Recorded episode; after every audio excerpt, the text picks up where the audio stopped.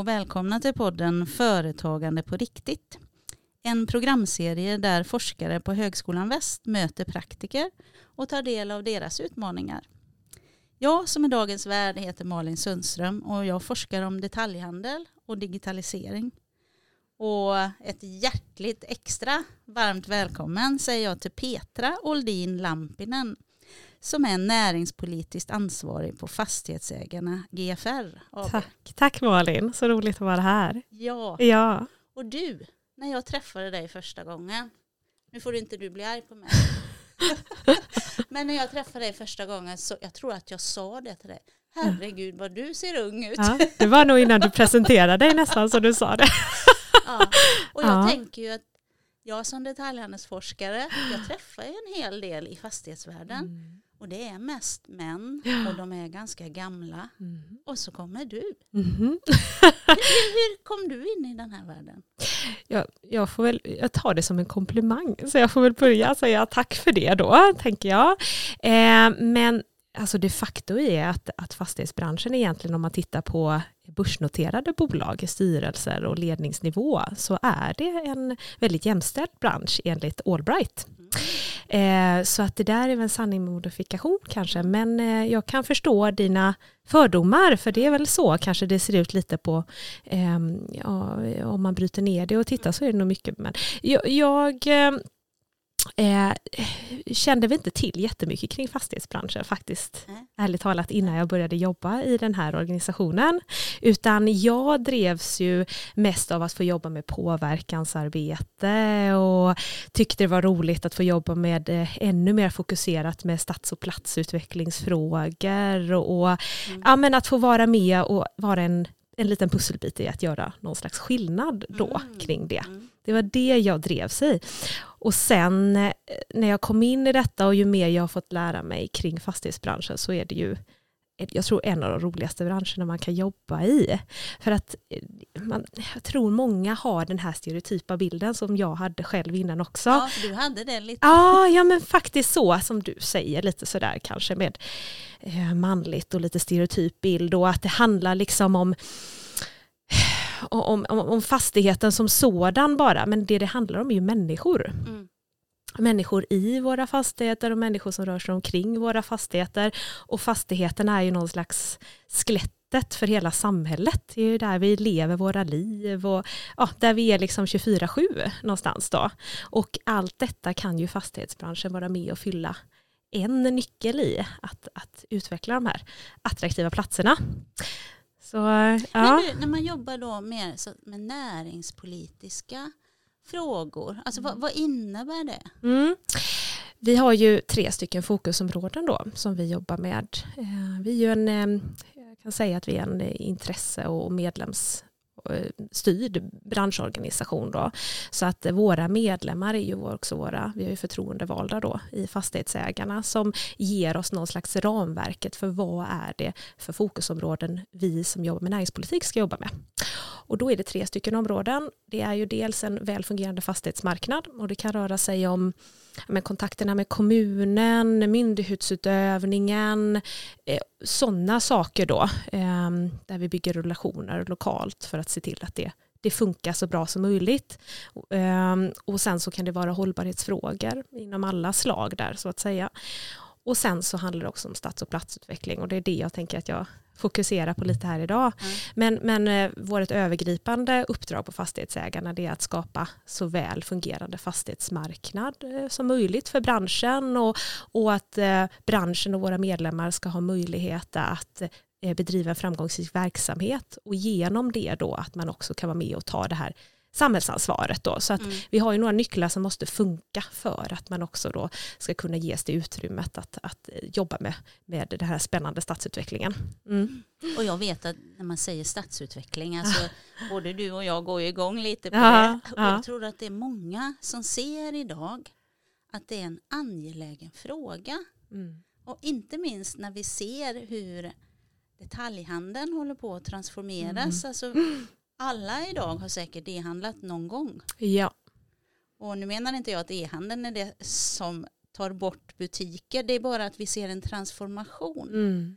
Att Så är fler ibland väljer andra kanaler. Precis. Och, och vad händer, då händer ju någonting med våra städer tänker jag. Mm. Som också får en konsekvens för fastighetsägarna. Mm. Så är det. Kä- Känner du att du bland dina medlemmar där att, att det finns den här medvetenheten? Mm. Ja, vi försöker ju, om man säger så här på fastighetsägarna, vi jobbar ju med den frågan både för att sprida kunskap ehm, och goda exempel eh, ut till andra aktörer i samhället som vi samverkar med, men även internt mellan branschen.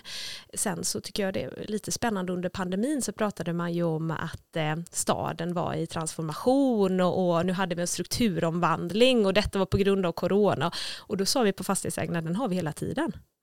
Alltså det händer hela tiden. Jag visste det kanske var en extra skjuts under corona. Det kanske kommer bli en extra skjuts nu i utvecklingen under den här perioden vi står inför nu. Ehm, men någonstans får man ju never waste a good crisis, du vet. Mm. Liksom. Använda sig av den eh, och inse att ingenting är konstant egentligen. Om vi tittar på hur vi levde i våra städer för ja, ett, två, tre decennier sedan tillbaka eller så vidare så har vi ju det här kontinuerligt. Mm. Så det är bara att förhålla sig till det och försöka hänga med liksom i hur ser, ja, följa människan, hur ser behoven ut hos de som besöker våra städer idag? Vad är det man kanske vill ha ut av städerna? Hur utvecklar vi det och få till den här samverkan mellan alla aktörer? Det är ju det som är någon slags nyckel. Liksom. Ja. Mm. Och jag vet att jag tänkte när vi satt eh, och lunchade för Mm. några veckor sedan här. Alltså det var så häftigt för mig att hitta en, en likatänkande, Mm. eh, en, en själ som liksom också ser det här never waste a good crisis. Mm. Alltså att man ser det här förändringsintresset. Mm. Och jag vet att vi eh, då pratade ganska mycket om en viktig sak och det var trygghet. Mm. Och du var väldigt tydlig i det tyckte jag, hur man som fastighetsägare och som fastighetsbransch Mm. kan arbeta med den typen av utmaningar. Har du några bra exempel? Mm. Så dels handlar det ju om sådana här saker som att kanske vi behöver lite lagförändringar och lite regelmässiga förändringar då. Återigen tillbaka till detta med att fastighetsägaren ska ges förutsättningar att kunna bedriva sin verksamhet och att kunna ta det här ansvaret då med, som en trygghetsskapande aktör. Eh, vi eh, tog fram en rapport innan sommaren på fastighetsägarna faktiskt, där vi tog fram eh, ett antal förslag på vad är det för vi vill se för typ av lagförändringar. Eh, ett av de här förslagen är vi glada att de har fått ett, eh, en tillsatt utredning nu under hösten när man ska titta på vad har vi för begränsningar i hyreslagen idag för att kunna eh, ja, eh, vräka kriminella hyresgäster, både vad gäller bostads och lokalsidan. Det kan vara en sån viktig nyckel då. Eh, sen är vi är måna med vad gäller juridiken, liksom att man ska säkerställa och göra bakgrundskontroller och så, så att man inte får in en felaktig hyresgäst, bara en sån sak. Den saken du och jag pratade om lite kring var ju det här också då, den situationen vi varit under corona och, och de sakerna som hände då och det vi går in i nu, där vi kanske har då ökade kostnadsutvecklingar. Vi kanske kan ha en avvikande efterfrågan på, eh, på köpkraftssidan eh, när folk har mindre i plånboken och sådär då. Att jobba med olika inslag i stadskärnorna så att folk fortfarande rör sig Ja. i stadskärnorna och så att vi inte får eh, mer och mer eh, tomma eller lediga lokaler. Mm. För det vill ju vi ingen se egentligen, utan vi vill ju se att vi har både liv i husen och liv mellan husen. Och då gäller det ju att kolla på en större helhet, inte kanske bara att man alltid måste prata den här traditionella handeln, utan man, man kan ju prata andra inslag i de här lokalerna också för att få dem att leva eh, över dygnet och eh, ja, eh, med olika, olika aktörer i lokalerna som kanske delar på lokalernas yta och, och skapa synergier till varandra. Och att just få det eh, som en levande, eller ett levande inslag under så mycket man kan under hela dygnet så att säga. Mm. Och, och, det kan jag förstå att man som fastighetsägare resonerar på det sättet. För det är ju folklivet, mm. det positiva folklivet man vill åt mm. i en stad. Att människor minglar, rör sig, vi får det här vimlet som då uppfattas som också socialt eh, roligt mm. och, och, till viss del också tryggt. Eh, och jag tycker att fastighetsbranschen, när, när jag ser liksom utvecklingen, tycker jag att ni har gått framåt med stormsteg mm. faktiskt. Mm. Ja men det handlar ju om att skapa de här mötesplatserna eh, som, det, som det är nu mer. Liksom.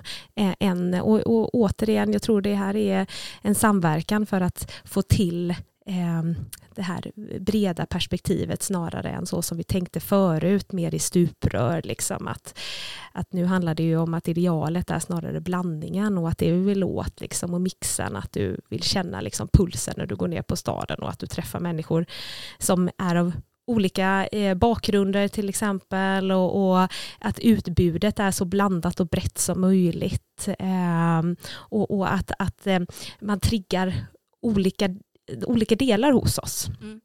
Mm. Jag kan tänka mig att eh, det finns olika typer av trygghetsutmaningar beroende på var i staden vi pratar. Mm. Eh, jag var på en forskarkonferens förra veckan mm. och där lyssnade jag på en grupp forskare från Lund som har gjort en särskild studie för att se vilka utmaningar när det gäller trygghet som finns i särskilt utsatta områden. Mm.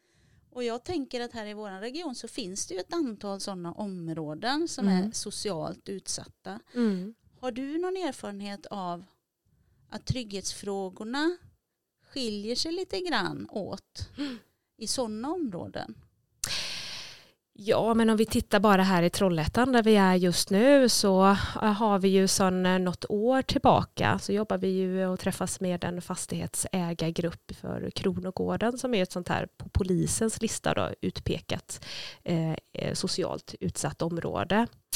Eh, och där är det kanske inte så mycket verksamheter som finns idag utan man jobbar kanske med andra typer av frågor också att tillsammans jobba med att kanske förändra den bilden som finns hos andra som inte finns i Kronogården. Alltså vad mm. finns det för, för värden som finns faktiskt idag i Kronogården som kanske eh, ja, någonstans någon annan har en för, förutfattad mening om som faktiskt kanske inte ens existerar. Det är ju sådana saker. Och sen handlar det ju om att stärka upp den faktiska tryggheten också.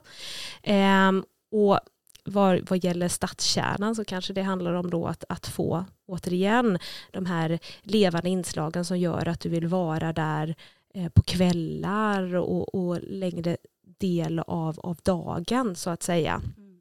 Eh, för det är ju också det som, som vi ser är det mest effektiva. Att vill människor vara och röra sig där så blir det en positiv spiral i sig. Då vill man, man dras ju till platser där människor är. Mm. Då vill fler vara där, vi skapar större flöden och då finns det ju också helt plötsligt underlag för ännu typ mer av verksamheter. Så man ska ju alltid utgå ifrån den faktiska platsens förutsättningar. Mm. Återigen, det går liksom aldrig att ta en modell till exempel så kan man ju inspireras av det. Alltså, eh, några som har varit duktiga på detta är ju Gårdsten nere i Göteborg. Um, och där, det var ju också ett sånt här utpekat område som idag har liksom gjort stora framgångar. Och man kan inspireras av det, men sen så måste man ändå titta på vad är förutsättningarna här och hur jobbar vi med det tillsammans då. Och, och, och lite utifrån också vilka eldsjälar som finns på platsen. Mm. Mm. Och det tycker jag också är så bra att du nämner just det här att vi, vi behöver de här personerna som brinner för sin bygd eller för sin region eller för det lilla samhället. Mm. Och, och, kanske särskilt när det gäller fastighetsägare, mm. kombinationen fastighetsägare och detaljhandelsaktör. Mm. För det är ju så att vi faktiskt också allihop har ett ansvar för den sociala delen. Mm. Alltså hur vi lever och välfärd och, och hur vi mår. Ja, och det är ju spännande med stadsutvecklingen också, att man kan ju faktiskt bygga bort till viss del Eh, ensamhet som är ju eh, ensamhet idag föder ju väldigt mycket folksjukdomar. Eh, så där tänker jag i stadsplaneringen och, och de här olika aktörerna tillsammans att man kan bygga platser som, som bygger bort det och som också bygger bort de här o, o, otrygga miljöerna. Men du, hur gör man det? Hur bygger man bort ensamhet? Ja, men dels så handlar det återigen tillbaka till det här vad som händer i fastigheterna och vad som händer mellan fastigheterna. Då kan man ha mellan fastigheterna så finns det ju olika sätt att göra att skapa rum och mötesplatser även där. Um, jag tänker torget här till exempel i Trollhättan ja, är ett utmärkt. Ja, men det är ett utmärkt sådant exempel där man säger att ja, men idag ser vi att ja, men äldre sitter där och, och ser när de barnen leker till exempel och man börjar prata med varandra och det händer saker och man har evenemang och så vidare och så människor kommer ihop sig. I fastigheterna så finns det ju väldigt mycket spännande eh, som, som passar, som hör till tiden om man säger så med co-living exemplet där man gör det på ett väldigt eh, attraktivt sätt idag. Det är, man får tänka bort det här gamla studentkorridorkänslan liksom av att det är ett eh, smutsigt eh, kylskåp man kommer till och, och någon halvdassig soffa utan här handlar det ju snarare om att det blir väldigt, det blir väldigt spännande gemensamhetsytor. Man har ändå sin egen plats som man kan gå in till men man har de här gemensamhetsytorna och, och sådana saker det blomstrar ju i, i de städerna där det är öppna marknader. Mm. Eh, så att ja, det finns, det finns även sätt liksom kring eh, just fastighetsägarens eh, affärsmodell här som man, där man kan, faktiskt kan ta det här sociala ansvaret. Och det är så roligt när jag ser det för det bara glittrar i ögonen mm. det bara liksom bubblar av idéer. Mm. Alltså, och det är så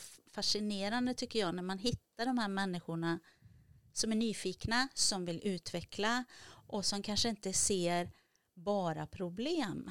Mm. Men mm. det jag undrar är, vad skulle du säga är då, kanske inte problemen, de stora utmaningarna för mm. fastighetsbranschen i våran region? Mm.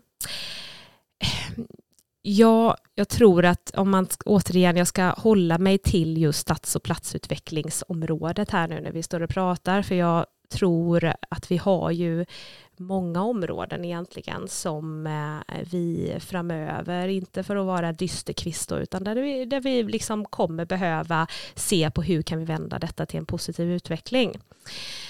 Ehm, så att det, det, finns ju andra delar inom det också. Jag tänker på den stora delen kanske hur man skapar en, en eh, socialt hållbar bostadspolitik egentligen. Eh, där eh, vi har idag en strukturell hemlöshet och det är ju någon slags viktig grej för Sverige att jobba med. Även hur vi skapar större incitament kanske till eh, eh energiomställningen kring, kring fastigheter och så då. Eh, men om vi håller oss till detta området så så tänker jag att det är nog just trygghetsfrågan. Alltså allt hör ihop någonstans, men det är ju just trygghetsfrågan. Alltså hur utvecklar vi, eh, om vi tittar på Trestaområdet här kanske då, med eh, Vänersborg, Trollhättan och Uddevalla, så har vi tre städer som tillsammans också skulle kunna eh, stärka sitt gemensamma erbjudande med vad är det som gör att man eh, vill flytta hit. Eh, varför ska man bosätta sig här? Och på fastighetsägarna tror vi någonstans att det,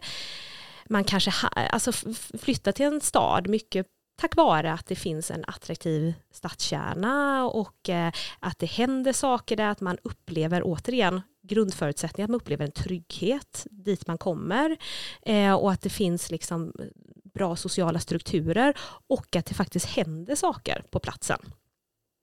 Så allt hänger ihop, men jag tror att eh, man gör det redan idag, men där kanske vi kan bli ännu bättre på att visa på vad är det här för delregion och varför ska man bosätta sig här? Varför ska man etablera sig här? För gör vi det och får in en större kompetensbas av olika typer av människor med olika kompetenser och bakgrunder och sådär, ja, då blir det också attraktivare för, för företag att eh, etablera sig på platsen. Det blir intressantare att, eh, för ett fastighetsbolag att eh, bygga på platsen, äga hyresrätter på platsen eller bygga villor och så vidare då, som, man, som de här människorna ska kunna bosätta sig i. Så att ja, allt hänger ihop. Mm. Um, men, men jag tror att, att här behöver man fundera ännu mer på vad är våra unikitet i de här respektive kommunerna. Hur växlar vi upp att eh, kroka arm ännu mera till var, varför ska man bosätta sig här? Mm.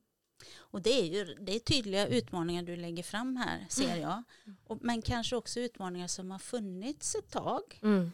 Men om jag då lägger på ytterligare en vedpinne i den här brasan och så säger jag digitalisering. Vad tänker du då när det gäller fastighetsbranschen? Då tänker jag i första hand på, med anledning av det vi pratar om med strukturomvandlingen, nya affärsmodeller. Mm.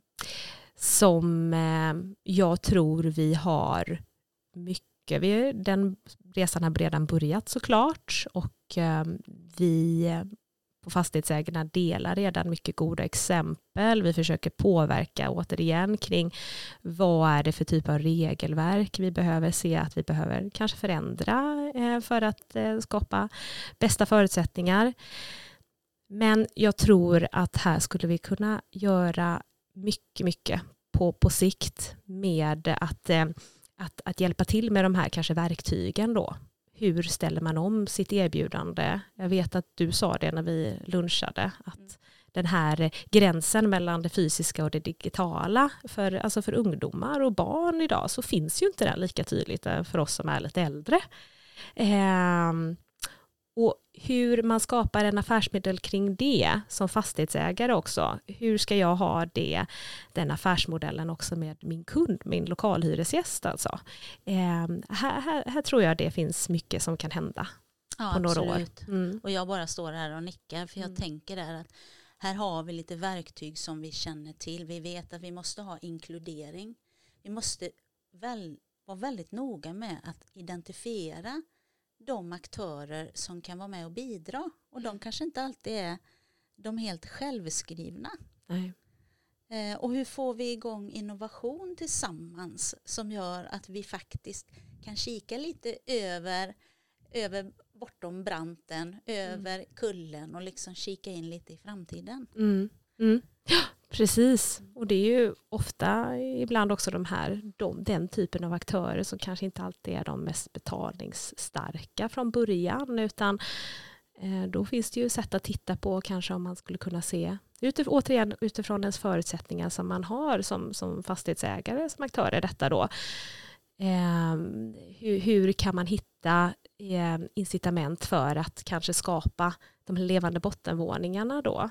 Ehm, det finns ju sådana här intressanta modeller. Jag tänker på en som ehm, jag hörde talas om i, i London där man ehm, eh, hade lite problem kring det här just med att få in kulturverksamheter i bottenvåningarna, att få dem att leva över tid så att säga och, och kunna, vara, eh, kunna betala hyran från dag ett.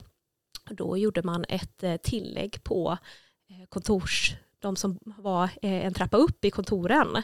Man gjorde tillägg vad gäller kulturen på deras hyra. Mm. För det var de som också nyttjade mycket det som hände i bottenvåningarna efter liksom jobbet och som, som eh, hade trevligt av det och som tyckte att det här är det som gör att jag vill vara på den här platsen. Men det är ju att tänka lite annorlunda. Ja. Att se liksom, kan, kan vi skruva lite på våra affärsmodeller? Och, mm. Tror du generellt att vi hittar bra exempel när vi kikar utanför Sverige? Ja, sen är det återigen tillbaka till den här tråkiga verkligheten då med att eh, vi har ju de lagarna vi har mm. idag. Vi på Fastighetsägarna skulle gärna vilja se eh, flexiblare, alltså avtalsfrihet mellan eh, hyresgästen och, eh, och fastighetsägaren och eh, att eh, ja, det är viss, till viss del även momsfrågan som kan ställa till det lite vad gäller att få in föreningsliv och icke-momsade verksamheter i en lokal efter man kanske haft momsade verksamheter ett tag. Så vi har vissa sådana saker då. Och nu förstår jag precis varför man måste ha någon som är näringspolitisk expert. Eftersom det är den typen av ja. frågor också. Ja, ja så det är ja, precis. Det är inte bara, det är inte bara bara som jag hade en tidigare chef som sa till mig. andra saker med. Men du, om du fick om jag skulle säga till dig att du skulle få låna en forskare eller mm. du får låna flera forskare här mm. från Högskolan Väst. Mm. Tror du att du skulle kunna ha någon nytta av oss forskare? Jag skulle nog behöva låna tusen forskare.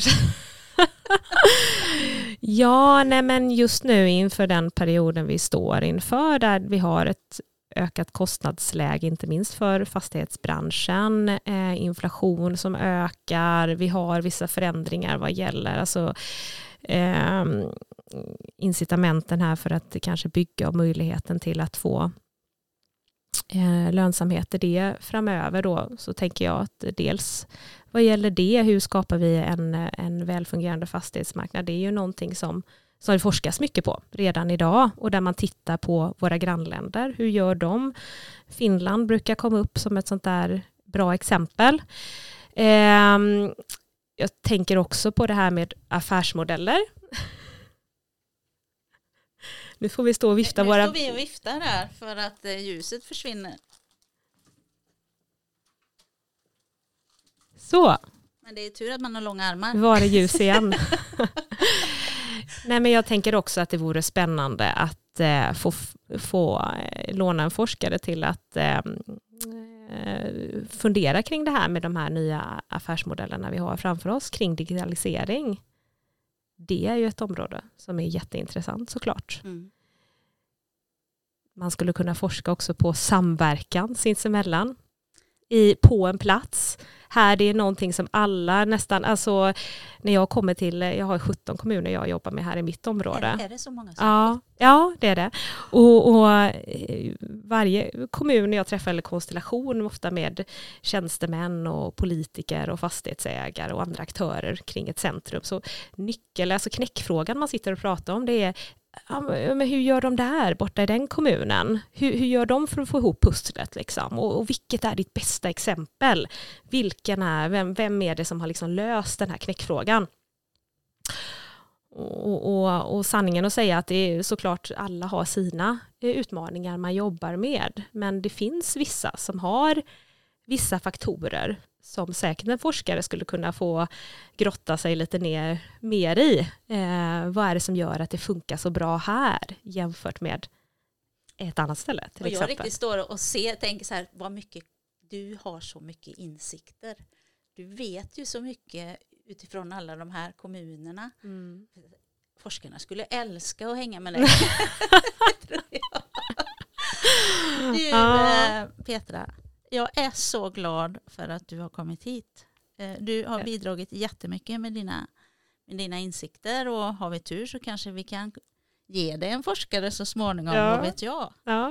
Men eh, nu är det dags eh, att säga tack så mycket tack. Petra Oldin Lampinen. Tack så mycket Malin. Och nu börjar vi ju då närma oss slutet av det här samtalet såklart. Så i den här podden så bjuder vi in spännande personer från näringslivet för att prata utmaningar, förändring och framtid. Är du en entreprenör eller företagare med närhet till Högskolan Väst och har lust att delta i den här samtalsformen? Kontakta gärna oss. Tack och hej!